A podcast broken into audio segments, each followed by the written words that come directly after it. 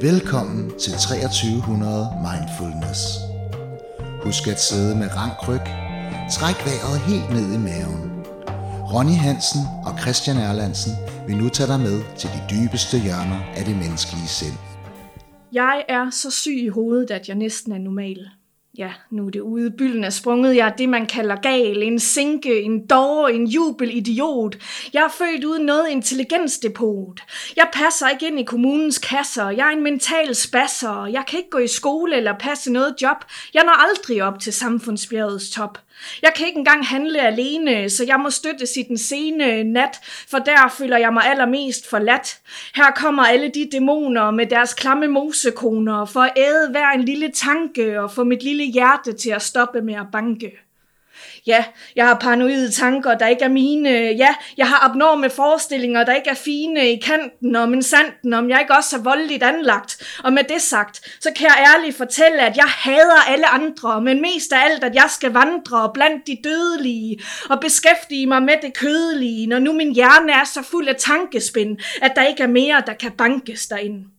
Jeg har så fucking mange store problemer, og så meget, der skal sættes i systemer. Jeg kan ikke bare rydde op derhjemme. Der er så meget værdifuldt, jeg skal gemme. Papirlapper, plastikposer små stykker snor. Der ligger små skatte overalt, hvor jeg bor. Jeg kan ikke bare gå ud og tage et bad. Jeg kan ikke bare lave aftensmad. Jeg kan ikke bare børste mine tænder. Jeg kan ikke bare se mine venner. Fordi alt skal planlægges ned i mindste detalje, så giv mig nu bare den fucking medalje Øh, for heldemod og udholdenhed i et liv, hvor onde cirkler de bliver ved og ved og ved. Jeg er ikke selv i sekund i tvivl om mit geni, men det kommer desværre ikke ud, fordi jeg har klaustrofobi i mit eget værende, og de fremmede stemmer er pludselig blevet det bærende element i min eksistens, og det har haft den konsekvens, at jeg har nok i mit lille firkløver af stemmer, der overdøver verden, der ellers godt kan larme med sine lange fangearme. Jeg er åbenbart så syg i hovedet, at jeg altid har en seng klar på psykiatrisk afdeling Amager. Men jeg føler mig sjovt nok ikke tilpas med Napoleon og Kong Atlas. Det er ligesom om, at min diagnose burde udleveres sammen med en brækpose, for det skaber en ordentlig portion kvalme og diarré, når normens lange lykke den strammer til, og der sidder nogen og befaler, at jeg skal skylles ud i samfundets aftrækskanaler. Fordi jeg ikke kan yde det optimale, bliver jeg en del af den store marginale tosseklasse, der må tilpasse sig det, de normale dikterer, men pas på, for vi bliver flere og flere, og en dag, når vi gennemskuer det hele, og medicinen ikke lammer alle kropsdele, så vil vi være så mange sindssyge psykopater, at de normalt ikke længere har alle mandater til at bestemme, hvilken kategori vi hver især skal puttes i. Det kan godt være, at jeg er lidt til en side, men det vil jeg da skide på, for jeg er ikke ude på at opnå noget andet end bare være. Være glad og være i fred for den etablerede og konstruerede virkelighed. Som man nok kan høre, så har vi simpelthen en digter i studiet. Vi har besøg af Sara Hauke. Er det hele navnet? Er det hele hvad, som kunstnernavn? Hvad vil man sige der?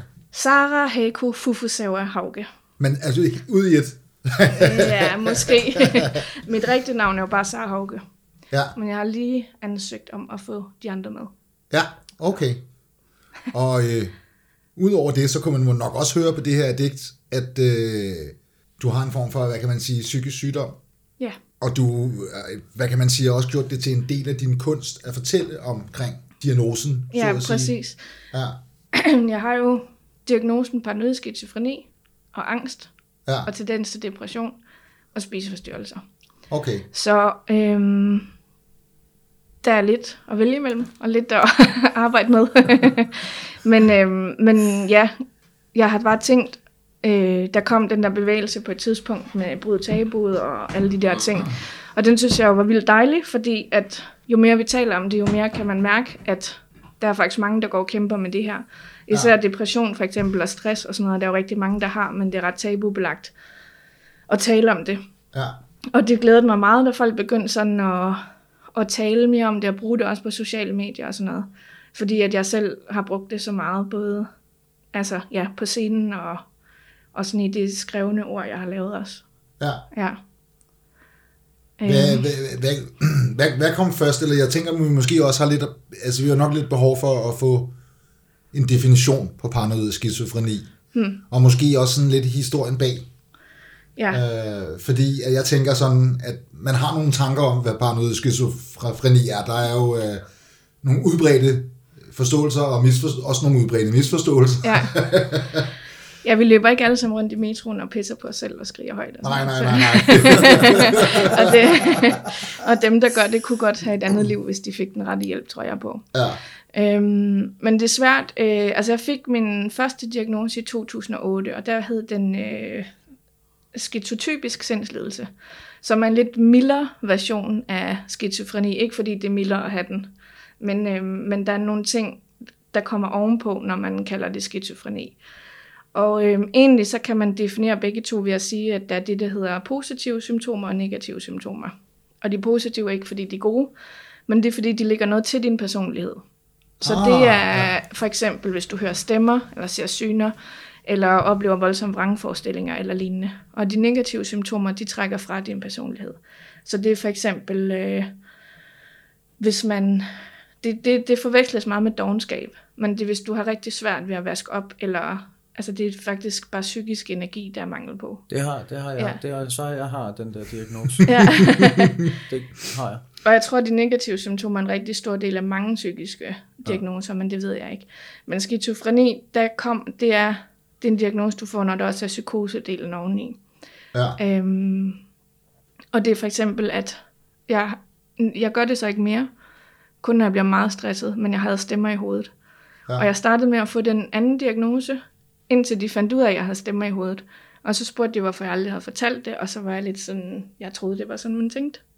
Det kunne jeg ikke lige vide, at ja, man, ja, giver altså på en eller anden måde, så skulle man jo lægge ud alt, hvad der så er ved en selv, og det, man går jo ikke og synes, det er så specielt, fordi det er jo hverdag. Ja. Øhm, men da de så fandt ud af det, så var de lidt sådan, wow, okay, Ja. du skal lige have en anden diagnose, og så fik jeg det. Ja, Ja. Men jeg, må jeg, jeg har brug for at få klarificeret den, øh, stemmer i hovedet. ja, For, at, altså din egen stemme, eller er altså det, sådan andre stemmer? det er fremmede stemmer. Fremmede stemmer? Fordi man kan- Ah, ja. Okay, vildt. Man kan jo godt have, eller jeg tror, de fleste kender det der med, at man har sine tanker, og så har man en, man kan diskutere med. Øh, skal jeg lige gøre det? Eller sådan, hvor man taler med sig Ja, selv på nogen Ja. i hovedet. Men jeg havde fire stemmer i hovedet, og den ene, og de var fremmede. Og så havde jeg mine egne stemmer, og mine egne tanker, eller hvad man skal sige. Og de to af dem talte aldrig til mig, men om mig, inde i mit hoved. Nå. Øh, Det er så sådan som to store bagtaler. Ja. Altså, so to, so to speak, ja. ja, men inde i min hjerne. ja. Så du kunne faktisk høre det hele tiden? Ja, øh, og de kommenterede sådan, ej, se nu, hvad hun gør. Ej, det er fede svin, selvfølgelig går det galt, og sådan noget. Sådan, og ondskabsfuldt. Nå, sådan, sådan lidt selv, selvnedladende Ja. på en eller anden måde. Det lyder, øh, det, det lyder næsten som sådan et meget, meget aktivt overjeg i sådan en freudiansk terminologi, hvis du kan se, hvor jeg vil. Ja, ja. sådan som jeg betragter det. Altså, det er lidt svært, fordi jeg er vokset op som Jehovas vidner, så jeg har troet, det var dæmoner hele mit liv. Og jeg har også set dæmoner, altså synligt udenfor, som stod Okay. i hjørnet og sådan noget. ja. Og derfor så, blev, så, så fik det sådan en øh, metafysisk dimension, og det har det haft altid, indtil jeg kom ud og begyndte at, ja, fik min tro anderledes, eller fik den væk, eller hvad man skal sige. Og så, øh, og så har jeg egentlig forlidet mig med, at selvom de lyder fremmede, så var det min hjerne, der producerer dem. Og så har jeg brugt dem på den måde, at de fleste mennesker har måske et filter, eller en, en eller anden form for ting, der gør, at de kan sige nej, hvis nogen spørger dem om noget, de ikke har lyst til. Og det har jeg ikke. Så hver gang jeg har været stresset, har stemmerne været ekstremt meget på, så har jeg bare brugt dem som en, ligesom mere en, sådan en sirene eller en, en tegn på, at nu var det for meget, nu har jeg taget for meget ind. Så i stedet for at lytte til, hvad de sagde, så lyttede jeg til, hvad de betød, hvis man kan sige det. ja. Øhm, og det lyder jo meget fint, når man kan sige det på afstand, men det var ikke særlig fint, og det var ikke særlig let, fordi man skal forestille sig, selv hvis det var en anden person, men en, der fulgte efter en hele tiden og sagde for eksempel, at man skulle begå selvmord, eller slå andre mennesker ihjel. Så selvom at jeg godt ved, det har jeg ikke lyst til, så hvis der er nogen, der hele tiden siger det til en, så kan man godt begynde at overveje det bare for at få fred. Ja. Og det, og det, altså, det tror jeg, det er det, der er rigtig mange, der oplever. Og som, Ja, det, har man, det er jo nok også noget af det, man har set i fjernsynet. Ja. Ikke? Altså nu har der været den der meget fine titel, som de har ved TV2 Rødt, ned, de, de er sindssygt farlige. Ja. Meget TV2-agtige ja, titel, ikke? ja, Øhm, om at stemmerne netop bliver så, så voldsomme, at det ender ud med et, et mor på en, på en person, som, som, som, som man, altså, som ikke har noget med det at gøre, ja, eller et eller andet. ja, ja, præcis. Men det er jo de yderste øh, konsekvenser, at det sker. Øhm, og netop hvis man får den rette hjælp til at forstå, hvad det er, der sker, måske også medicinsk hjælp, men egentlig bare ellers kognitiv terapi, på en eller anden måde til at forstå, hvad fanden der er, der foregår i hovedet på en, så kan det jo godt gøre, at for det første, hvis man får afmystificeret, hvor farligt det er, det kan ikke gøre en noget, øh, og så derefter begynder at forstå, hvad det er, eller hvad det kommer af. Og der, der tror jeg, der kan være Altså psykiatrien og naturvidenskaben har jo sine bud på det, men jeg tror, man bliver nødt til at finde sin egen ligesom lille myte eller fortælling. Hvad er det? Hvad er det, de vil mig? Øh, for man kan forlige sig med det. Og det fandt jeg på en måde. Ja. Og så fordi, at jeg fik rigtig meget, eller jeg har fået styr på rigtig mange ting, udenom kringstående ting i mit liv, som pressede på før, som nu er i orden. For eksempel sådan noget med økonomi, og have et sted at bo, og have råd til at købe mad, og at man ikke bliver presset af en kommune eller et eller andet. Så får man pludselig ro til at arbejde med de der ting. Og de er egentlig ikke forsvundet for mig, fordi jeg har arbejdet så meget med det. De er forsvundet, fordi jeg har fået ro. Og de, jeg kan mærke lige så snart jeg bliver presset, så kommer de frem igen. Øhm, Det var ret godt defineret. ja, det må man sige. Det var ret vildt. Jeg tænker nemlig på, når du siger det der med at have ro, ikke? Øh, jeg har også, øh, jeg har faktisk mødt en, der havde også, der også havde diagnosen paranoid skizofreni. Og han snakkede tit om det der med, at han hørte stemmer og sådan noget. Og nogle gange, så kan, jeg har, du ved, nogle gange kommet til at sige her, også i podcasten, at, men, men du ved, det kan godt, hvordan var det, jeg sagde, Christian? Jamen, jeg tror, det var, ja, Ja, jeg tror, du kom til sådan en klassisk skizofreni-joke, som sammenligner med personlighedsspaltning. Ja, ja, Ja. personlighedsspaltning, men, men jeg ved godt, hvad det er. Så det du siger, det er, at hvis du har ro på, og hvis du øh, får du medicin også, og sådan noget. ja, for medicin, ja. så hvis du har ro på, og du følger din medicin og alt det der, så, så, så hører du ikke de der stemmer der. Nej. For det giver meget god mening i forhold til alle de der misbrugere, man hører. Fordi hvis du, så må det jo så være dobbelt så ekstremt, hvis du så er ude i et misbrug Helt og, vildt. og, og tager stoffer eller drikker rigtig meget. Det kan ikke være godt på amfetamin, det der. Det er Nej. svært at jeg sad mig. lige, jeg, jeg sad lige Ja. og tænkte på det, fordi altså, hvis jeg havde gået op til lægen en, øh, en mandag efter sådan en weekend, du ved ikke, hvor man bare har suget derud af, og øh, sådan en tre-dages tur nærmest, så, kunne jeg nok også godt have fået den der diagnose der, fordi der har også været alt muligt mærkeligt op i hovedet. Jeg har aldrig hørt deciderede stemmer. Det er nok mere bare mig selv, Ja. der har sagt, øh, Men du kan jo blive så fremmedgjort for dig selv, at du ikke kan skille, hvad det er hvad. ja, det er sådan, det, Ja. Altså jeg tænker også, fordi de fleste, lige, altså lige meget hvor, hvad skal man sige, rask du har, eller du er i dit sind, så hvis du ikke sover i fire dage, så begynder du at få skizofreni-lignende symptomer. ja, så får du nemlig Ja, ja, ja, ja, det er også hørt. Og, ja, og der er, jo ikke nogen, der er jo ikke nogen hjerne, der har godt af meget alkohol, eller mange stoffer, eller Nej. noget. Så der kan man sige, at selv en rask hjerne kan blive rimelig påvirket af det ud i ting, der minder om det. Og det er jo så klart, at hvis du så har en diagnose, så hjælper det ikke, hvis du så lige lægger de der ting oveni. Kan man udvikle det? Altså, det ved jeg ikke. Så vidt jeg har forstået, så er det noget, der ligger, øh, hedder det latent i dig. Ja, det kan man sige. Og så kan det blive, øh, så kan det blive udløst. Og, øh, så jeg tror også, at der er nogen, det er ret- usandsynligt, men der er nogen, der kan have skizofreni liggende i sig, så det bliver aldrig udløst. Øhm, det, I teorien er det muligt, tror jeg. Men, men de fleste liv oplever jo, og de fleste mennesker oplever jo et eller andet i deres liv, der er hårdt eller traumatiserende i en eller anden grad, eller sådan noget. Det er sådan noget, der kan udløse det. Som, som så kan udløse det. Okay, Ja. Vildt. Var Ja. der, nu, nysgerrig, var der et eller andet breaking point for dit vedkommende, eller? Jamen, det er det, som der er sådan lidt svært for dem at finde ud af, fordi alle de her ting, jeg fik en diagnose i 2008, men jeg har været sådan her, så længe jeg kan huske, og jeg havde et fucked up liv på gymnasiet, og sådan, jeg kunne slet ikke finde rundt i min hjerne og i den, det sociale liv og alle de der ting, og havde ikke rigtig nogen grænser og grænseforståelse og sådan noget. Øhm, og jeg kan også huske helt fra jeg var lille, at jeg har haft de der stemmer i hovedet. Så jeg er jo ikke, jeg er jo ikke syg den dag, jeg får min diagnose. Men Nej, jeg får min diagnose den dag, fordi jeg er syg. Men, men jeg, op, jeg har faktisk ikke oplevet sådan en, et uh, breaking point. Og det er ikke så normalt, tror jeg. Jeg tror, det mest normale er, eller det mest, uh, det der sker oftest, det er, at der er et eller andet, der udløser det. Øhm, og jeg tror bare, det har været mange år oven på hinanden, som der, der gjorde, at jeg, altså det handler også om, hvornår man går til lægen, hvad der skal til, for man går til lægen. Altså jeg gik til lægen, fordi jeg begyndte at høre sådan en stemme ude for mit hoved, der sang fødselsdagssang for mig hver morgen, når jeg vågnede. Og det synes du var det- irriterende? I starten var det sådan meget hyggeligt, men så begyndte jeg at tænke, tænke sådan lidt, det er sgu ikke normalt, at det er også sådan lidt creepy, for det var sådan en mørk mandestemme og sådan noget, ikke? og så var sådan, og så var jeg også bare sådan, men det er også bare sådan, okay, er det fordi, jeg voksede op som Jehovas vidner, og ikke måtte holde fødselsdag som barn, så nu presser min hjerne mig ved at søge, altså hvad er det? Det er bare for sådan for underligt side et i psykologihåndbogen. Men jeg tænkte, jeg må nok alligevel hellere gå til lægen. Men jeg havde også fået at vide sådan noget med, at Nå, det, det, det tænkte Ja. du.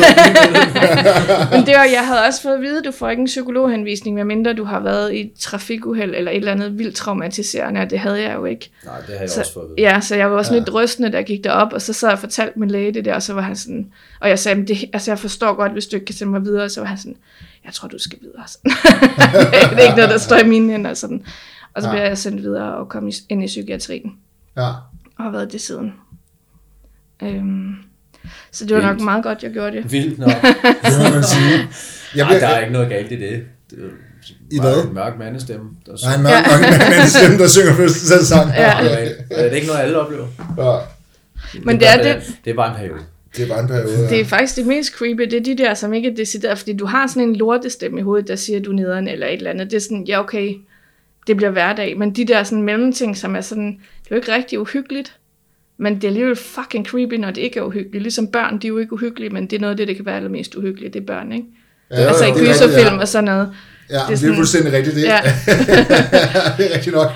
Mary for ride og sådan noget. Ikke? Jeg synes, Ja, det, ja, er, jeg synes, det er uhyggeligt, det der, du lige har fortalt. Ja, jeg synes også, det er ret Ja, spooky det at løb mig lige koldt ned ad ryggen, da du sagde det der med fødselsdagssanger. Og Ja. en mørk mand. Har du, jeg kom til at tænke på, nu sagde du noget om det der omkring, og det har du også været inde omkring, omkring det der med din opvækst i Jehovas vidner og sådan noget. Har du søgt den slags forklaringer på det, eller er du kommet frem til det? Det er måske i virkeligheden ikke så meget med sagen at gøre.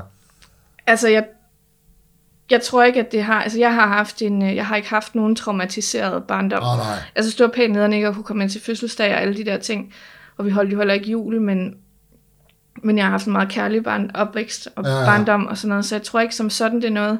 Jeg tror, at hele det der billede med en Gud, der holder øje med en hele tiden, det, det sidder stadig i mig. Ikke fordi jeg tror, at der er en Gud, der gør det, men jeg har udviklet sådan en rimelig hæftig vrangforestilling om, at der er sådan et eller andet form for kontor i universet, og de har ved en fejl givet mig den her krop.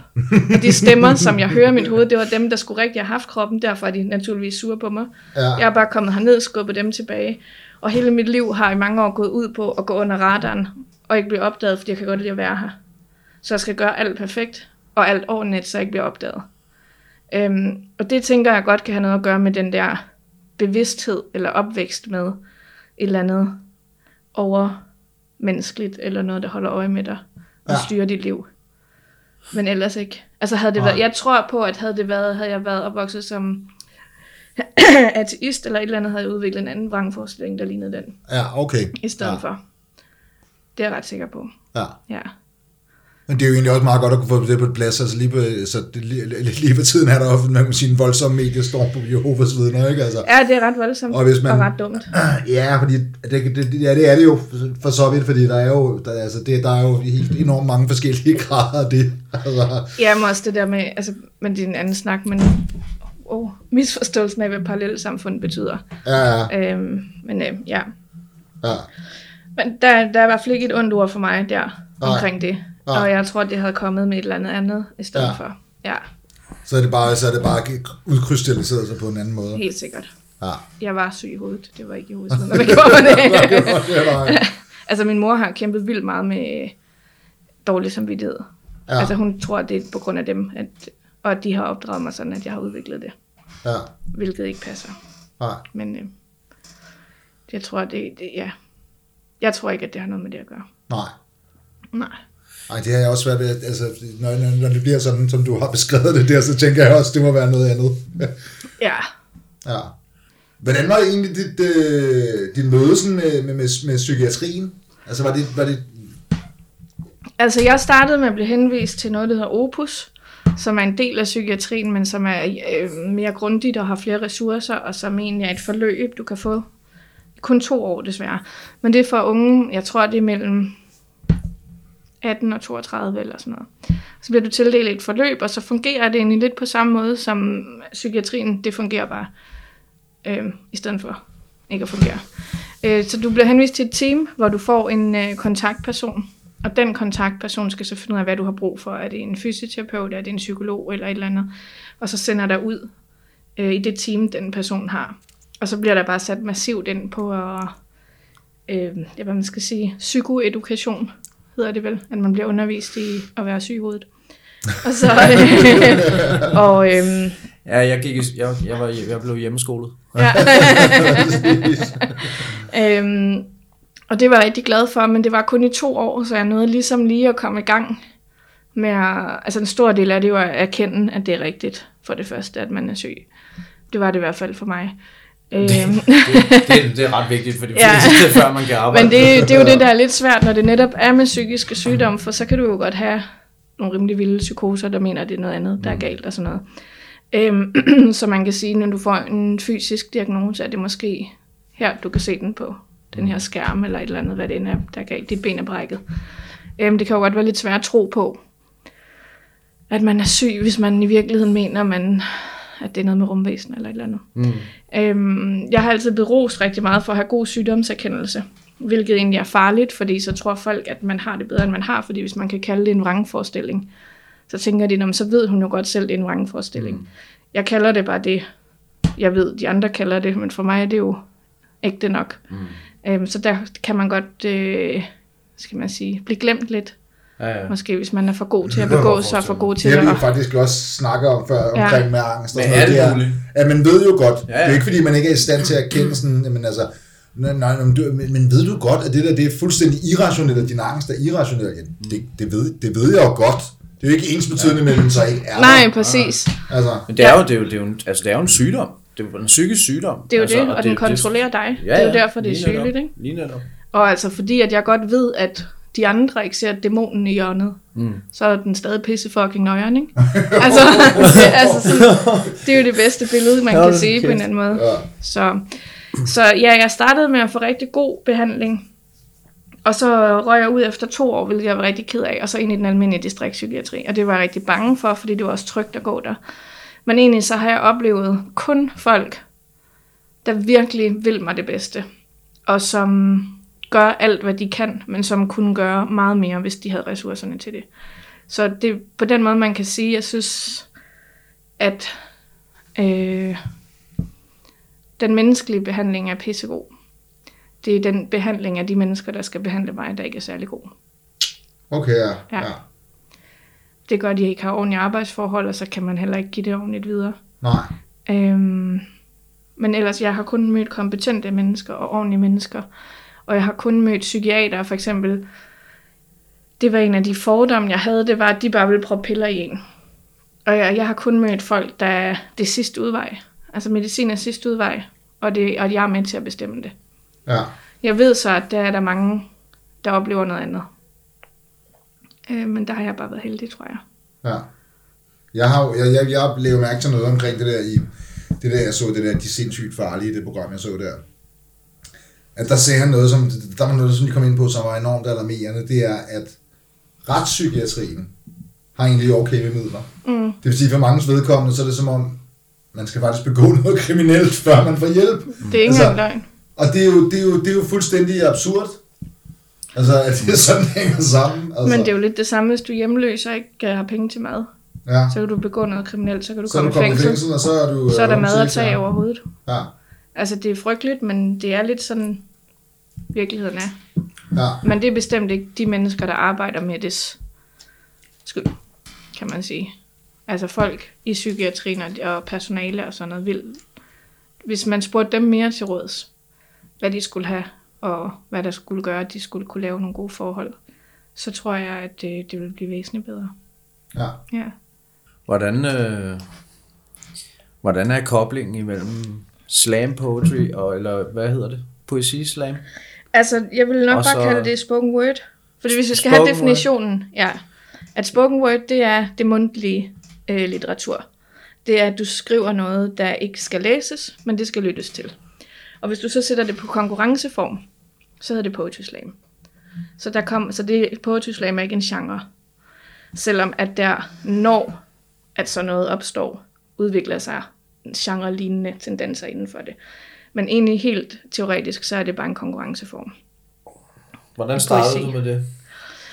Jeg har altid skrevet, og så på et tidspunkt, da vi flyttede i den lejlighed, som jeg bor i nu på Amager, den er ret stor, så mig og min kæreste, vi skulle lade nu værelse ud, og så fik vi øh, et islandsk par til at flytte ind. Og øhm, de var meget måløse over, hvor billig øl var i Danmark, så vi lavede ikke andet end at drikke i rigtig lang tid. og så en aften, hvor jeg var meget fuld, så sagde øh, ham, fyren i forhold, der hed Sigfus, om han ikke måtte høre nogle af de der digte, jeg skrev. Og så læste jeg nogle op, og så sagde han, du skal lave poetry slam.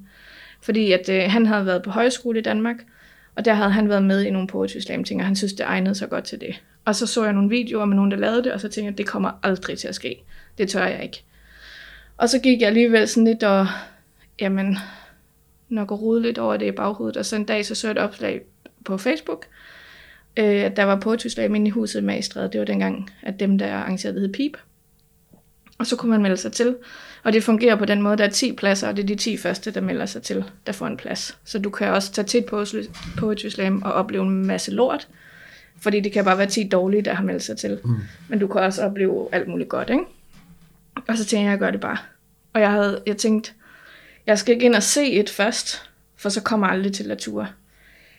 Og så meldte jeg mig til, og så tog jeg ind og var med. Og det kan, de, altså kan lytterne selvfølgelig ikke se, men I så var meget rystet på hænderne, når jeg holder papiret. Det gør jeg også på en scene. Men øh, jeg rystede så fucking meget over hele kroppen første gang, jeg stod der. Ja, og jeg havde min veninde Nana med, jeg ved ikke, om du kan Jo, huske jeg det er. Og hun øh, blev, øh, altså hun blev så overvældet, fordi hun kunne, ikke, hun kunne ikke hjælpe mig. Så hun begyndte bare at grine. Og hun grinede og grinede og grinede, og hun græd af grine, ikke? Fordi det var bare hendes reaktion på det. Og heldigvis var det så meningen, det gerne måtte være sjov. Så hun smittede sådan hele salen. Og så havde jeg bare det vildeste ja, adrenalinkick. Men Ja. det, der var allervildest ved det, det var, at første gang i mit liv nogensinde, så var der helt stille i mit hoved. Der var ingen stemmer, der var ingenting, mens jeg stod på scenen. Det var faktisk lidt det, jeg fiskede efter. Ja, Nå, men det var det, Ja. og det kom vi til. Er det, er, er, er, har det også, og det har du så lige svaret på, så det kan jeg ikke rigtig spørge om, så nu ved jeg ikke, hvad jeg skal spørge om. Men det, jeg vil spørge om, Ja. ja. jeg vil spørge om, det var, om det har sådan en terapeutisk indvirkning. Lidt ligesom jeg, når jeg sidder her og sluder, så, du ved, så er der også bare ro på, på Ja. en eller anden måde. Men det har det helt sikkert, og det var også der, altså, der var to grunde til at blive ved. Det ene var det der ekstreme adrenalinkick, øhm, og det andet var bare søgen efter at finde den der ro ind i hovedet igen, kun at være mig selv. Mm. Fordi jeg tænkte, hvis jeg kan finde det på scenen, så må jeg også kunne finde øh, altså nøglen til at tage det med ned. Ja. Altså, hvordan man, hvordan ja, man får dem til at holde kæft. Øhm, og det har jeg jo så også fundet sidenhen. Men det var bare det vildeste for mig nogensinde at opleve, den der totale ro. Men en krop, der bare sådan var i, altså, i overlevelsesmode fuldstændig. Mm. Det var helt sindssygt. Vildt. Og så kom jeg faktisk på en anden plads, hvilket jeg var ret glad for, fordi det var åbenbart en kvalifikationsrunde til DM det år, så jeg var glad for, at jeg ikke vandt, fordi så havde min næste, mit andet slam nogensinde været et Danmarks mesterskab. Ja. Så det var meget godt, det ikke var det. øhm, men det var, ja, og siden da, så har jeg bare blevet ved. Og så Men du har da vundet en enkelt år også, ikke? to år faktisk, ja. To år, ja. Jeg vandt i 14 og i 18, Ja, ja. Så dobbelt Danmarksmester. sådan. men, men hvis, jeg tror også, vi lige et eller andet sted skal have, øh, fordi faktisk er sjovt nok, nu snakker vi om, hvad det var. Ja. Ja. Og så snakker vi også om, om, hvad, altså, om, om hvad det er. er det, det er jo ikke noget, man, det er jo definitivt ikke noget, man digter på stedet, ligesom man battler, vel? Nej, men det er der nogen, der gør. Det er der nogen, der gør. Men, men okay. ja, og det er, det er få i Danmark. Der er nogen, der er rigtig dygtige. Jeg kunne aldrig, det kunne aldrig falde mig ind. Um, det vil blive noget værre lort. men, uh, men der er nogen, der gør det. um, og, men der er det med det, altså fordi det er en konkurrence, så er der jo nogle regler. Og den ene regel, det er, at det må vare 3 minutter og 9 sekunder. Lavede den grænse her? øh, alt, der går hver, altså hver 10. sekund, du går over det, det giver et halvt minuspoint. Okay. Øhm, og pointene er meget vigtige ja. øh, for at komme videre. Der er tre runder, og man, kvalific- altså man, kom, man skal have point nok til at gå videre fra runde til runde. Ikke? Og der bliver skilt folk fra hver gang. Øhm, så du starter 10, så de seks, der har bedst point, går til anden runde. De tre, der har bedst point sammenlagt for første og anden runde, går i tredje runde. Så sletter man point, og så er det bare øh, et digt hver. Tre personer i, tre, i tredje runde. Og så er der en vinder. og dem, der giver point, det er dommer, der er tilfældigt udvalgt blandt publikum. Fem dommer, der giver point fra 0 Og så til man 10. skal alligevel være sådan lidt... Øh, Man skal- man altså- skal kende lidt, hvis man skal gå ind og se det. Så kan man faktisk... Det er lidt ligesom i USA, hvor man bliver jury-medlem. Det sjoveste er faktisk, når folk ikke kender det så godt, fordi så tror jeg, altså, altså det handler jo om, kan man give point til digte? Nej, derfor gør vi det. Agtigt. Okay. Ja, okay. Fordi ja. det er Nå, lidt det er meget sådan, det er, net, ja, for det er netop det der med, det, så, det skal ikke være smagsdommeri. Det er ikke sådan, hvornår er det et rigtigt digt? Er det et forkert digt? Er det sådan, det er ligesom, det er en tekst, altså, Ja, ja. Og kan du lide det, så giver du det høje point, kan du ikke, så giver du det lave point. Så, det her, altså, så der er jo også ekstremt meget øh, backstage blandt poeterne, sådan, om det læflede for publikum og sådan noget, hvis man så får gode Nå, point okay. og sådan noget. Jamen, det er jo kunst jo. Ja, Det er jo, det er jo definitionen på kunst. Jeg tror, grunden til Christian han spurgte, det var fordi, at øh, jeg sagde på et tidspunkt, øh, inden du skulle komme, at, øh, at det kunne være sjovt, hvis vi begge to havde forberedt et eller andet, eller hvis vi skulle lave et eller andet, hvor vi skulle prøve at sætte lidt på spil. Og vi skulle sidde og, og, og sidde, og grø, sidde hvor grimme vi, og, du ved, og dumme os lidt, ikke? Det, sådan noget synes jeg er sjovt. Nå, men jeg, men, jeg ved ikke, om vi skulle sidde og rime på stedet. Det kunne også være, at vi bare skulle have skrevet noget ned, eller, eller andet, men det var Christian bange for, at ville blive noget rigtig lort. og ja, hvis jeg ikke husker helt fejl, og så citerer jeg her, jeg ved, jeg choker. det, skrev, det skrev du til mig. Ej, det Men det er meget- Hvis jeg skulle gøre det på stedet, så ville det jeg fandme ikke kunne. Men det er meget fedt lige at få det defineret, fordi så, altså, da du sad og læste det op i starten, der kunne jeg godt have været øh, jury-medlem, øh, ham som ikke vidste noget, og tænkte, fedt, 10. Du ved, fordi jeg kunne godt høre, at det var, du ved, power og sådan noget, ikke? Ja. Og ja, jeg ved ikke, hvor jeg vil hen med det. det jeg, Nej, ved, du, hvad, det- ved du, hvad jeg kom til at tænke på? Og nu må du altså ikke blive fornærmet, vel? Men jeg, jeg, jeg kom til at tænke lidt på ham der, jeg er Hassan. Ja. Jeg ved ikke, om det er en... Om, men, det er ikke særlig forkert. Han har startet også med at blive undervist af en, der hedder Peter Dyrborg, så vidt jeg ved, som har, altså, altså en af de ældste, som i øvrigt også min booker, så nu gør jeg lige lidt reklame. Men, ja, ja, men sådan, han, altså, han, han var med til øh, nummer to slam, der nogensinde blev afholdt i Danmark, og så har han været med lige siden. Han har lige haft 20 års jubilæum. Og han holder sådan nogle øh, for unge mennesker i Brønderslev, der er der noget, der hedder Brønderslev Forfatterskole hver år. Mm. Øh, og der har han en poetry slam linje. Og der, så vidt jeg ved, har jeg og Hassan gået der, før Okay. han begyndte øh, at skrive. Så jeg tror ikke, at der er, det er helt forkert at se den der med... Altså en del af spoken word og poetry slam er jo, at man ikke kun skriver en tekst. Der er også en performance-del i det. Og den kan man jo klart mærke, at jeg og Hassan har. Ja, det må man Altså sige, han er jo ja. dygtig øh, til at læse op. Der er jo rigtig mange dygtige, øh, også forfatterskoledigtere og sådan noget i Danmark, som, som måske bare ikke er, det er ikke deres ting at læse det op. Nej. Altså de formidler det på skrift, og de fleste, altså når man skriver noget til at blive læst, så bliver det også en helt anden tekst, end når man skriver noget til at blive lyttet til. Så absolut, ja. Øhm, også fordi du, altså jeg tænker altid på, hvis du skal stå, altså hvis du skriver, hvis du læser en bog, og du ikke forstår det, kan du lige bladre tilbage og læse. Mm. Hvis du hører noget på en scene, kan du ikke sige, "Øh, øjeblik, kan du lige spole tilbage. Så Ja. det bliver umiskendeligt lidt lettere tilgængeligt, det som man laver på en scene. Men det betyder ikke, at du ikke kan berøre noget dybt. Altså det er, det er lidt et, øh, jeg har oplevet lidt fordommene, at det bare er lal, og at det er meget let og, og plat, det der bliver sagt på scenen. Jamen, det, Og, og det synes jeg ikke er rigtigt. nej, det var det, vi lige snakkede om Ja. før. Hvor jeg spurgte dig, øh, hvad, da vi også, vi sad lige og sludrede lidt om det før, i forhold til, hvad det egentlig var. Og der snakkede du også noget om, at øh, i Danmark, der ligger man meget vægt på humoren, Ja. og i Sverige er det meget politisk, og så videre. Og Ja, Ja, ja, Hassan er jo i virkeligheden en lille smule politisk, er han ikke det? Oh, han er meget politisk. Kan vi ikke godt sige ja. det? oh, det tror jeg godt, vi kan sige. Men han hører, altså, men, men man kan, altså, han hører ikke til på den scene, og kommer ikke i det miljø. Altså, nu kommer han vist ikke rigtig i kommer nogen miljøer. man men, øh, men, men, øh, men, men jeg mener bare, at jeg tror, at han har fået, der er i hvert fald noget, der har sat noget i gang, hvor han har tænkt performance-delen med i det. Og man kan også sige, at mange af de tekster, han har skrevet, gør sig jo godt til, at han, han misser dem jo nærmest som sådan en imam eller et eller andet. Ja. Nogle af hans måder at frem, mm. fremvise det på, øhm, eller fremsige det på. Og det gør sig jo godt til den tekst, øh, de tekst, slags tekster, han har lavet indtil videre, kan man sige. Der er også mange, der synes, det minder om, øh, hvad fanden hedder han, Dan Turell, øh, ja. som jo også var meget performativ i sin måde at, at læse ting op og sådan noget. Øhm, og, og hele beatpoet Ja, øh, ting, ja. genren der, har jo nok også haft en indflydelse på den måde, ting bliver gjort. Mm. Øhm, det er jo en amerikansk ting, jeg kan ikke huske, hvad han hedder, ham der, der opfandt Poetry Slam. Men det var lidt for at tage de der lidt kedelige digteoplæsninger, som folk ikke rigtig kom til. Og så tænkte jeg sådan, jeg blander det bare med øl Ja, ja, ja. og, og point. ja, så kommer folk. Winner, ja. ja, ja. Øl og det- point, Ja. ja. diagnoser, så kører vi. Og, det, og så, så, så skete det jo helt af sig selv og blev ret stort, kan man sige. Ja. ja. Så, øhm, ja. så jeg oplever også nogle gange, hvis jeg kommer ud øh, og skal optræde i nogle lidt mere øh, litterære kredse, så tror folk ikke, de må grine. Øhm, fordi det er man måske ikke vant til, man må, når man hører digte blive læst op. ja. Og så, så prikker meget det, jeg laver jo ret meget til, at man alligevel, hvis jeg har oplevet store mænd, der sad og fnisede, fordi de troede, de måtte ikke grine, så de prøvede sådan at skjule deres, deres grin sådan lidt nede. Sådan. Og så efter et måtte jeg sige, at man må altså godt, man må godt le. Man må godt lide her. Ja. Jamen, jeg har også svært ved ikke, altså, og, det, og det er virkelig ikke, fordi jeg, jeg, jeg ikke, du ved, jeg, jeg, jeg kan ikke lide at nedgøre folk. Men der er bare nogle ting, der ligger så fjernt fra min verden, og det har været sådan noget, jeg er vokset op med at grine af, agtigt. Ja. Altså sådan Ja, lidt, ja. uden at det skal lyde som om, jeg har været den der store stykke bully, eller sådan, du ved, og, men, men hvis jeg sad inde sådan et sted, så tror jeg så også, jeg ville have svært ved ikke at grine. Men jeg, vil- jeg vil nok have svært ved at lade være med at grine, hvis jeg sad til en almindelig ja, det tror jeg også. digtoplæsning frem for det der, fordi der Ja. ja. bliver du alligevel på en eller anden måde, hvad hedder det, capti- captiveret? Eller, Ja, ja, jeg forstår godt, hvad du mener, men nok lidt bjergtaget på en lidt anden måde. Ja. ja, bjergtaget. Godt så, Ja. Christian.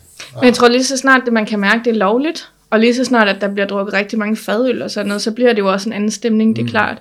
Jeg tror også, at øh, jeg, jeg har det også sådan generelt, og det er ikke kun med, med poesi og sådan noget, men med kunst i det hele taget, det kan jo godt virke sådan lidt øh, utilgængeligt. Og lige så snart, at noget er utilgængeligt, så i stedet for at tænke, det er nok fordi jeg er dum, så bliver jeg sådan lidt, det er nok fordi det er dumt. altså, det tror jeg faktisk er meget normalt, at folk de tænker.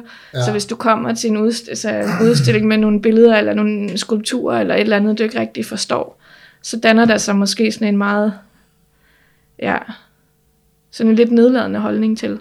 Det, er- det er jo ikke altid så inkluderende, det der lidt øh, kunst på sådan lidt finere plan, eller hvad man skal sige. Nej, jeg bliver, jeg bliver, ja, jeg bliver nok en lille smule fordømmende, eller sådan. Ja. ja, ja, det er godt med dig, du. Eller, ja. sådan, det, Er det det, vores skattekroner går til? Det er vores skattekroner, går til. ja, sådan noget. Ja, du ved, lidt sådan, ja, ja. Og det er jo, og nu synes jeg lige, vi bliver nødt til at, fordi nu, har, nu er vi inde på det der med, at- at humoren, den skal ligesom være med, og det, det er faktisk også en stor del af, af Jo, jo, absolut. vi prøver, vi er ikke særlig sjove, men, øh, men vi prøver i hvert fald at tage på nogle alvorlige emner med et smil. Ja, Og, øh, og, og jeg skal høre om noget andet. Og det, jeg, har, jeg har faktisk siddet der og ventet. Jeg kan mærke, nu bliver jeg helt sådan... Øh. Sakker, du har en, øh, du har en Instagram-profil, har jeg lavet mig fortælle af Christian. Nu er jeg ikke selv på Instagram, men hvis jeg nogensinde skulle komme på Instagram, så skulle det udelukkende være for at være kommet ind og se den profil, du har, som madanmelder maden nede fra Southern Grill på Elbergade. Er det sådan? Det, Ja, altså, og det er kun mad derfra, der bliver anmeldt. Det, jamen, det er jo fantastisk. Øhm, Det er fantastisk. Fortæl ja. lidt om den. Har du, må jeg ikke prøve at se? Prøv lige at gå ind på altså, jeg skal Yes. lige se, om jeg overhovedet kan... Det skal jeg se, det der. Den har jo været gået lidt i stå. Det er noget af det sjoveste, jeg har hørt. og det, det, det som det, jeg tror faktisk noget af det, der undrer mig lidt, det er, hvad, hvorfor er det lige Southern Grill? Hvorfor er det ikke Dragon Grill, jo, som er the mothership? Nej, nej, nej, Altså, der det er tager du fejl. ikke Der tager du, nej, der tager du fejl. Ja. Er det omvendt? Ja, der tager du fejl. Jeg troede jo også Dragon ja. Grill engang, altså indtil jeg opdagede uh, Southern Grill and Bubble Tea, eller hvad det nu er, de hedder. Det er ikke rigtig nok, hvor Men De hedder sådan noget helt de sindssygt. har Det er så fucking vildt. ja. Øhm, jeg havde sådan en periode... Du skal ikke sidde og tage noget for, for Southern Grill nu, Christian. Nej, nej, men jeg har bestilt fra begge steder med stor succes, altså. Det er, det er med tarmfloren som indsats fra begge steder. Ja, det er absolut ingen tvivl Men det, det, det er fint. Det er sådan lige, det, det er lækkert lige, når man får det. Ja. Det er ikke, ikke særlig Og så tager det jo altså. faktisk ikke mere end, øh, ja, er det 13,5 Oh, der minutter? var den mit liv med boble. Nå, mit liv med rigtigt. Jamen, så har du den, så kan jeg læse op for den måske. Ja, lige præcis. Lad her. Nej, jeg er nødt til lige at se det. Ja, ja. Det Jeg er nødt til at se anmeldelser. Og det er jo fordi, så anmelder jeg det inde på Just Eat, så alle kan se det, og så screenshotter jeg det og lægger det derind. så det er officielle anmeldelser. Det, Det er rigtige anmeldelser. ej, det, er det, det, det er fantastisk. Og de får altid fem stjerner. Jeg tror aldrig, jeg har givet det mindre. Nej, men det er også... Du, har, har du, altså, er du er sikkert ikke meget for Altså, det er, nok, det er virkelig et tabu det her. Nu, har, du, har du haft en dårlig oplevelse med boble? Det har jeg faktisk ikke. Altså, det, det, Det, I, I skal det, ikke kalde det, I skal kalde det sausen. Hedder det sådan? Ja, Saugon Skal man sa- Nej, det hedder? Southern Grill, Master Sushi and Bubble Tea. Ja, Der er bubble tea. og- men i daglig tale på Amager, der siger man bare saugen. Det? ja, så saugen. Altså, jeg ved det ikke. Det, det kunne man godt gøre. Det var min mormor, hun kunne ikke finde ud af at sige det, så skal du have en halv grøling ned for saugen? altså hjemme hos os hedder de bare guderne, men øh, Ja. ja. Uh, hvad siger du? Hvad hedder det helt rigtigt? Øh, Southern Grill Master Sushi and Bubble Tea. Det er også utrolig langt navn. Ja, det er meget fedt. Ej. Og øh, jeg kørte forbi en gang tilfældigt. Jeg har aldrig ellers været der selv. Jeg får det altid bragt ud for Just Eat. Mest fordi, så kan jeg også lave anmeldelserne derinde. Ja. Men øh, det, der er vildt ved dem, det er jo, at øh, de kommer hurtigere. ja, men det er sådan, at man vender sig om, og så er Ja, ja. Ja, 13,5 minutter, som jeg lige sagde. Ja, det er helt sindssygt. Og Just Eat er jo begyndt at sende sådan nogle beskeder. Nu skal du ikke vente længe på din mad mere. De leverer det, før den besked kommer. ja, det er rigtigt. Så er ja, maden det der, rigtigt. og så kommer beskeden, Ja, så ja. nu skal du ikke vente længe på din mad. Ah nej, jeg har bestilt hos guderne, så det har Men været jeg vil. Ja, hvis, altså hvis man, jeg vil så sige, det er jo helt forkert at bestille for Just Eat. Man ringer til Southern, eller man ringer til, Altså, altså, til? Dragon. Ja, det gør man, så man går udenom alle de der store er mellemledende. Ja, det synes jeg. Det synes Altså, men jeg. jeg tænker, Ja, på det de er fleste faktisk steder, der tænker jeg også, så må det jo de, være de skal sådan. også betale noget, nogle procenter og noget. Du Jamen, ved, jeg så tænker, der- jeg betaler det tilbage anmeldelser på Ja, det gør Just du. Eat. Må jeg godt lige læse? jeg. Må jeg, må jeg, jeg sidder lige her med, med, med, med den her profil her. Jeg bliver nødt til at læse den her op. Ja. Ja. Og det bliver ikke som slam poetry, men øh, poetry slam. Men så har din bedømmelse 6 ud af 6 og leveringstid og 6 stjerner og alt muligt. Det er meget fint. Det her er lidt ligesom at finde ud af, hvilket stof drømme har gjort af. Det er helt magisk, og du kan leve af det for, el- for, for evigt. Bubble forever.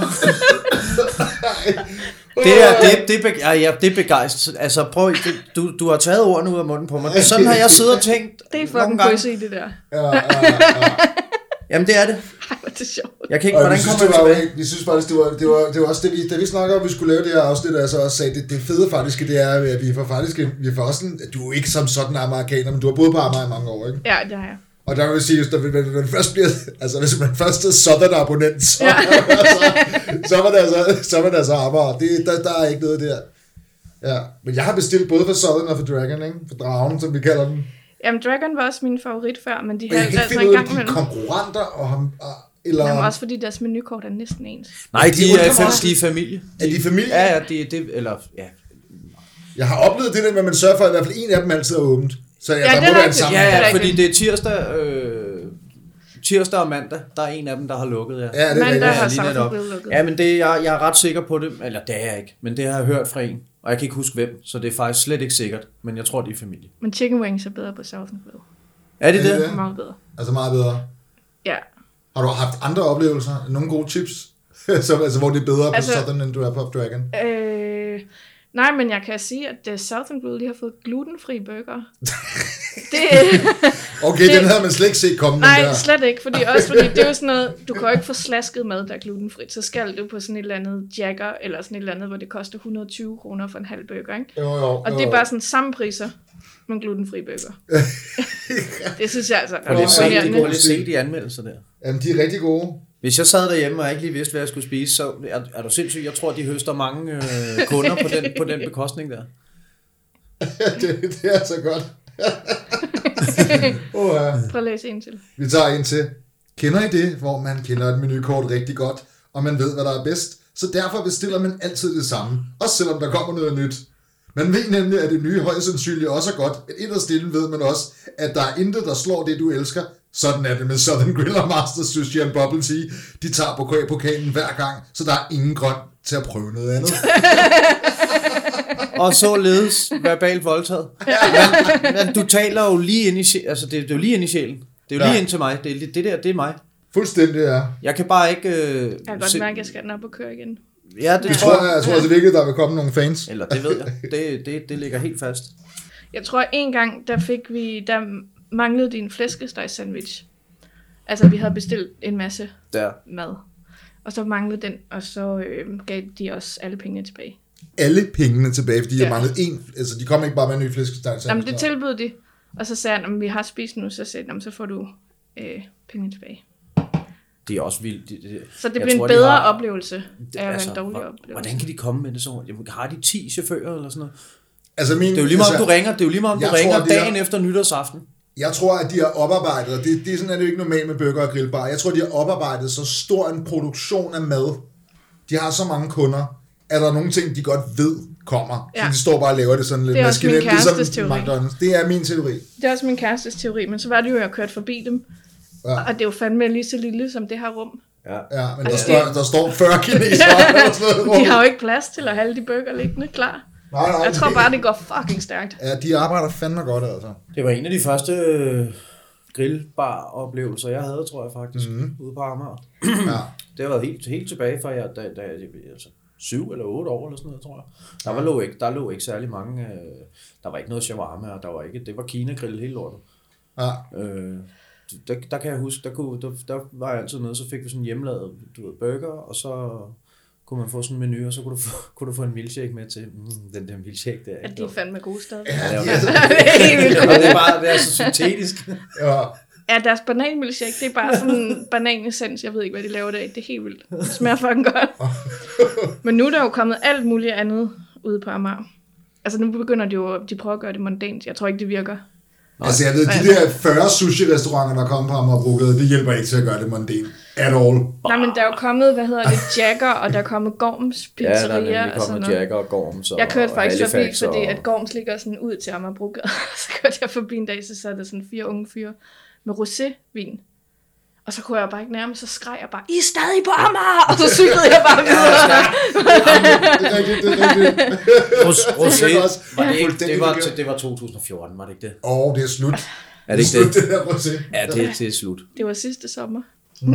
Hvad hedder det? Øhm, men det er rigtigt, det der med, der er kommet rigtig mange, og de prøver, jeg kan huske, min mor, hun sagde til mig på et tidspunkt, at man bruger ikke den samme, du ved, altså sådan, fordi at de der, det var hendes teori, at butikkerne simpelthen ikke kunne overleve, Nej. på grund af øh, indholdet af, af beboere, der bor på Amager, måske, jeg ved det ikke.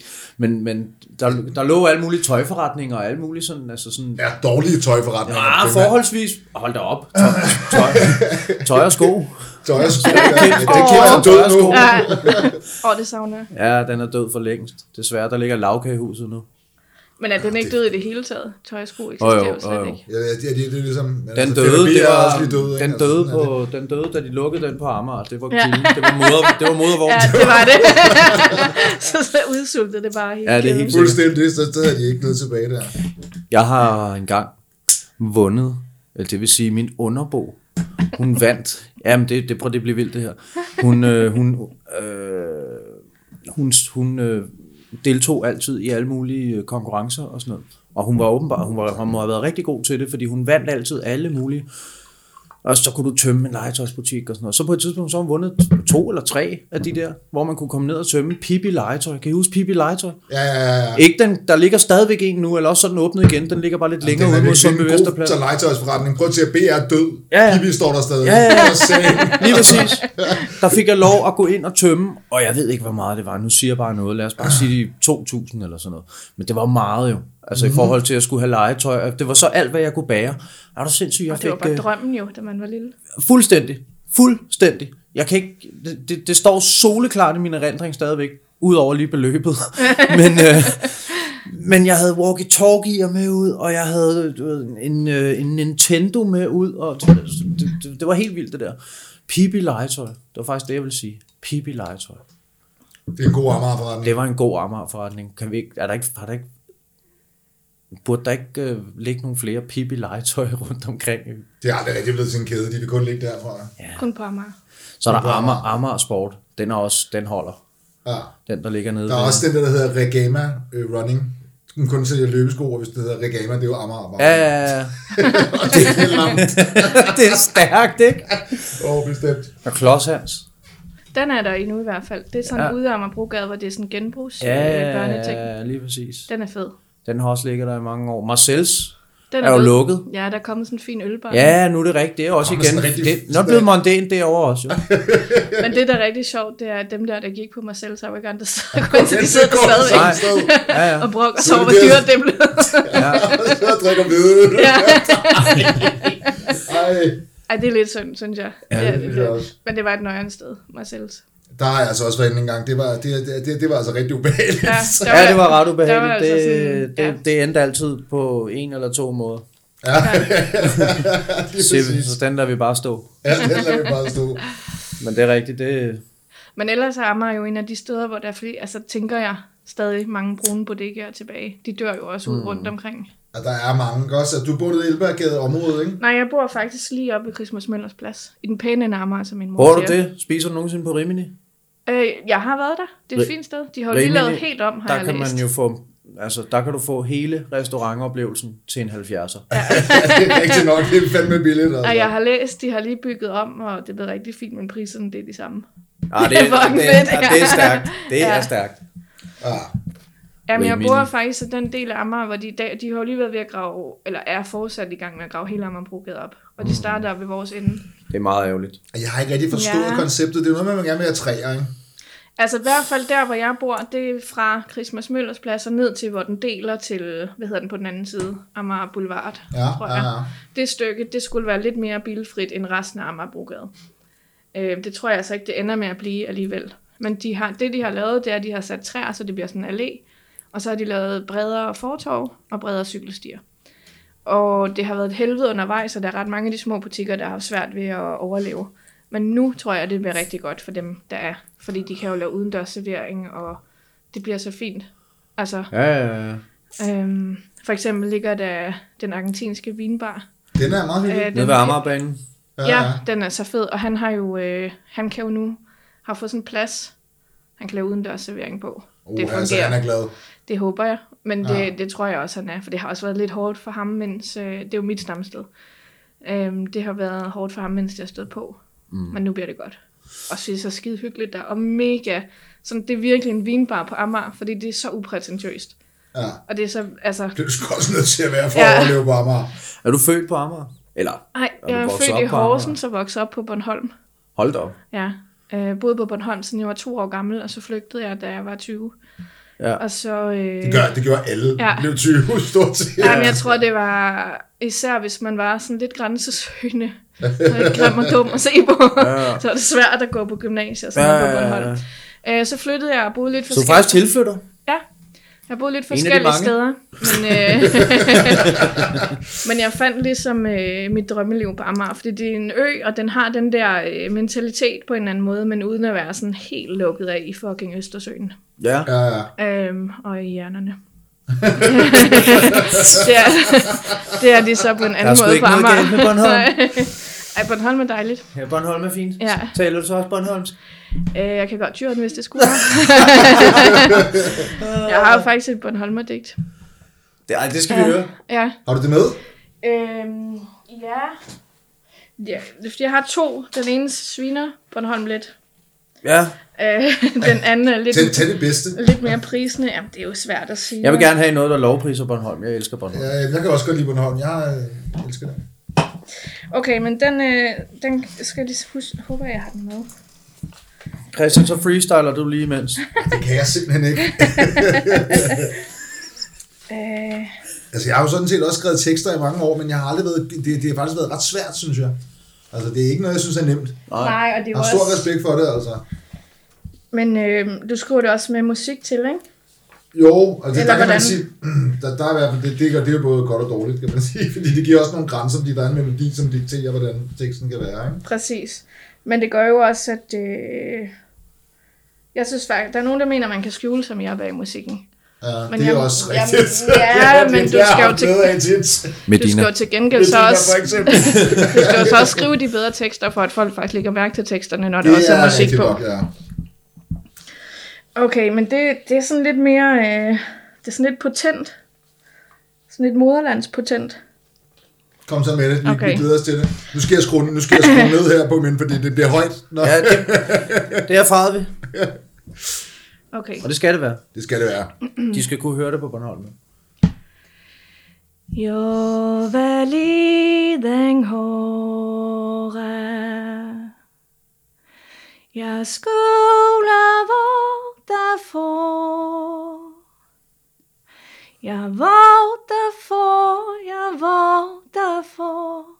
for jeg var jag den håre Det her er en Bornholmsk sang, og det er en lille dreng, der synger den, og den lille dreng vogter for. Men jeg er ikke ægte fuldblods Bornholmer, og jeg er ikke en lille dreng, og jeg vogter virkelig aldrig for. Så hvorfor har jeg valgt den her sang? Hvorfor er det sidste, jeg vælger at synge noget med så fremmed en klang? Hvordan kan en sang på Bornholmsk om en dreng, der vogter for, være det, der giver min hjemve de allerbedste arbejdsvilkår? Hvordan kan jeg overhovedet føle mig hjemme et sted, hvor jeg egentlig ikke hører til? Hvordan forklarer jeg, at lyden af den her ø ikke bare er mit livs mellemspil? At den får mit hjerte til at briste med essens af, at her har jeg hjemme, at den melodi er de aller sidste rytmer, mit hjerteslag vil glemme. Mit liv er et virvar af sange om Bornholmske drenge, der vogter for, og danske piger med deres lange blonde hår. Men sange og toner og melodier kan skabe følelser, der fuldstændig overstiger, og alt hvad vi ellers kan beskrive med ord. Og nogle gange, så kommer svaret fra et helt andet sted, end man tror og den allerbedste til at forklare alt det, den Bornholmske sang graver frem, er min lille svenske nevø på bare fem. Han sidder en dag og ser en mand i tv, der synger en italiensk opera, og uden at hans mor aner, hvor det kommer fra, så bliver hans øjne pludselig våde, så hun spørger ham til sidst, er du ledsen? Er du trist? Han nikker, og hun spørger ham i samme nu, hvorfor gråter du? Hvorfor græder du? Og her kigger han så op på hende og viser, hvordan en lille stemme også kan være stor, for han svarer, det er låten, mamma. Det er melodien, mor. Og i den lille sætning, så fanger han det, de voksne ofte ser forbi, at sangen kan tage, men de kan sandelig også give. De kan skille os ad, men langt mere give os noget at være fælles om, og den følelse, de skaber, det er ikke nogens ejendom. For ord er ikke bare ord, det er også lyrik, og sange er ikke bare sætninger, det er også musik. Jeg var den hårde, men jeg er ikke nogen lille dreng. Jeg skulle vogte for, jeg vogter aldrig for. Jeg vogter for, jeg vogter for, for jeg var liden hårde. Og selvom jeg ikke er fuldblods Bornholmer, så svulmer sangen i mit hjerte, og fra mine øjne, der triller der en glasklar samhørighed. Og hvis du spørger mig, hvordan for et sted, hvor du ikke er født, dine tårer til at falde så frit, så er svaret på et sprog, der heller ikke er mit. For det er så simpelt. Det er låten. Fedt. Jeg ved næsten ikke, hvad jeg skal sige. Nej. Jeg, og så gør jeg lidt alligevel. Fordi, kan du huske, var du nogensinde med, var du ikke med på Bornholm i, øh, med skolen nogle gange, når vi... ja, men, jo, vi, Ja, men ikke, ikke, nej, ja, du var ikke med på de der øh, Ikke på de der sommerferieture, der. nej. Nej. Du var der med på den der med, med klassen? ja, ja, ja, ja, ja, ja. Ja, ja. Vi har været, vi var på lejerskole på Bornholm. så Jamen, vi, det har alle. alle har været på Stort set alle. Ja, det er... Ja. Det, Altså, alle har været der i selvfølgelig- syvende klasse. Vel, Forhåbentlig ikke der har boet på Bornholm. Nej, men det er, jo, det, det er det, jo, det er så paradox, eller hvad skal man sige, det er underligt, hvor fanden var dem på Bornholm, så vi var i Ribe. Var, I, var det Så- fedt? Husker du sådan til? Altså, det var en meget hård tid for mig, af mange årsager, men også fordi vi skulle til Ribe. Også fordi vi skulle Ja. til Ribe, ja. Og så, fordi det var sådan, jeg har det svært ved sådan, hvis folk er akavet, så tager det meget på mig, eller hvis noget er pinligt, så kan jeg ikke se klovn og sådan noget. Nej. Og det var sådan lidt et klovn afsnit at være i Ribe, fordi der skulle vi rundt, og så var der sådan en, der sk- jeg fortalte, at vi skulle vises rundt, og han fortalte så pisse stolt om deres stork. Øhm, men de havde ikke nogen mere, de havde bare redden. De havde bare Men de var stadig lige så stolte af den, og han havde bare fortalt om det hele vejen derhen, og så var jeg bare sådan, hvad fanden er det, der foregår? Sådan, jeg synes, det var virkelig pinligt. jeg elsker sådan noget. Ja. Jeg ved godt, der er nogen, der næsten brækker tæerne ned i skoene, for at de, krummer dem så meget, men sådan noget der, ja.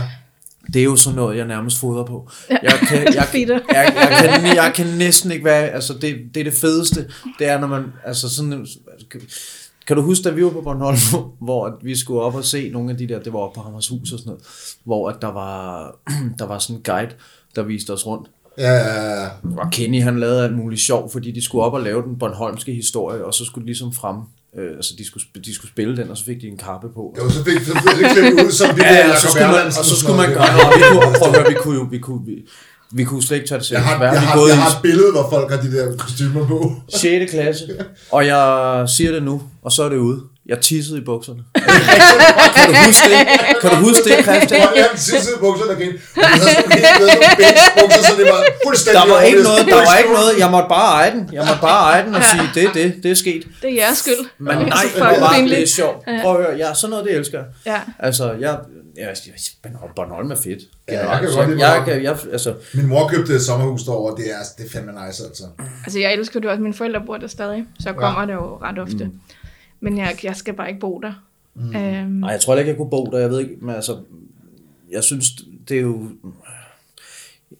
det er bare fedt, at, at vi har sådan en ø, altså som, som overhovedet på ingen måde er dansk.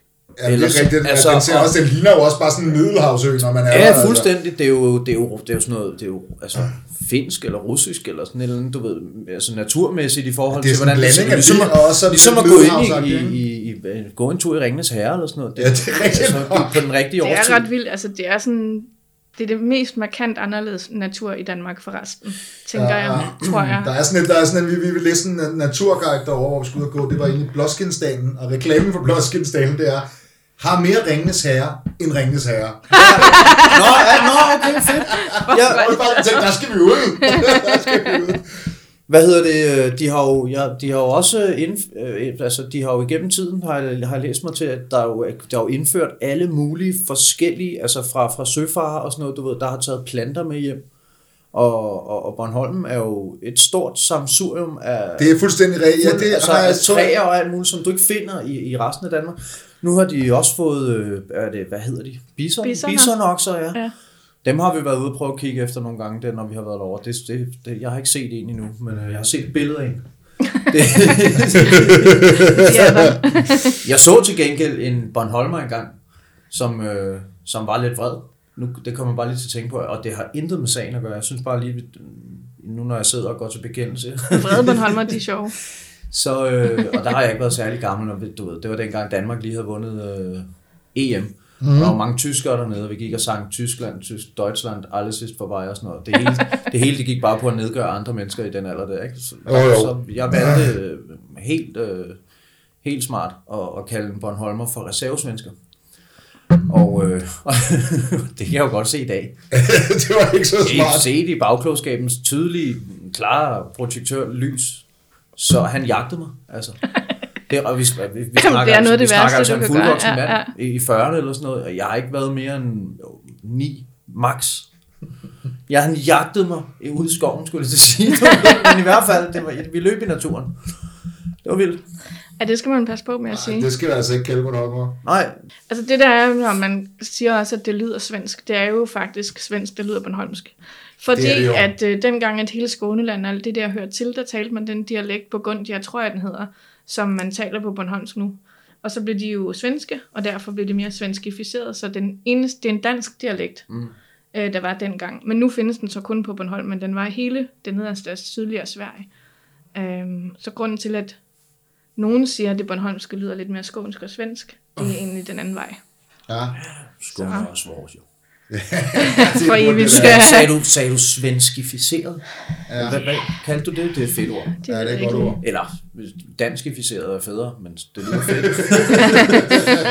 Nå ja, Bornholm, jeg, vi kan jo snakke længere om, ikke? Jo, det kan man.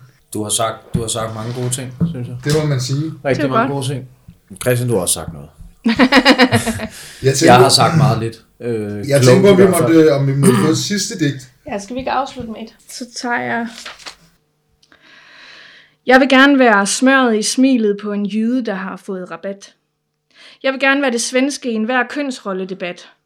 Jeg vil gerne være stillheden i de sekunder, den vågne betragter sin elskede sove. Jeg vil gerne være anledningen til nye og humane asyllove. Jeg vil gerne være det skyggespil på væggen, som din far lavede med hænderne, da du var lille. Jeg vil gerne være grunden til, at den danske statsminister ikke vil genopstille. Jeg vil gerne være det billede på Instagram, der efter fire uger i sengen giver dig lyst til at rejse dig op til livet igen. Jeg vil gerne være sandheden om en stor røv fra din bedste ven. Jeg vil gerne være stoltheden i barnet, der har lavet sin første tegning. Jeg vil gerne være lettelsens suk, når du opdager, at det ikke var din, men naboens regning. Jeg vil gerne være gnisten i det billede af et bål, der ikke er en brændende kliché. Jeg vil gerne være lettelsen hos et pensioneret bidet. Jeg vil gerne være smerten i foden fra et glasgård, du trådte op på en festival uden sko. Jeg vil gerne være det skængre i stemmen på den 80-årige, der råber, banko. Jeg vil gerne være den knasende følelse af drøs på din skyer, der smager usundt helt uden at være det. Jeg vil gerne være synet i spejlet, der viser, at du kan bære det. Jeg vil gerne være rytmen i Hit the Road Jack. Jeg vil gerne være et kompliceret træk med en hackisack. Jeg vil gerne være julens første duft af appelsin. Jeg vil gerne være Karl Stegger og skrin. Jeg vil gerne være ledende, der knækker i fingrene på Bob Dylan, når han indspiller endnu en plade, der får knuden i brystet til at forsvinde. Jeg vil gerne være den Holger, man aldrig kan finde. Jeg vil gerne være det første blik i nybagt forældres øje. Jeg vil gerne være lettelsen, når personalet løser din spændetrøje. Jeg vil gerne være Donald Trumps dårlige smag i munden. Jeg vil gerne være spritten i den Grand Marnier, der drøbes på lavkagebunden. Jeg vil gerne være gulvet, der tager imod den sten, der falder fra et hjerte. Jeg vil gerne være skinnet i støvlen efter en omgang skosværte. Jeg vil gerne være børns evne til at dele. Jeg vil gerne være en hotdog med det hele.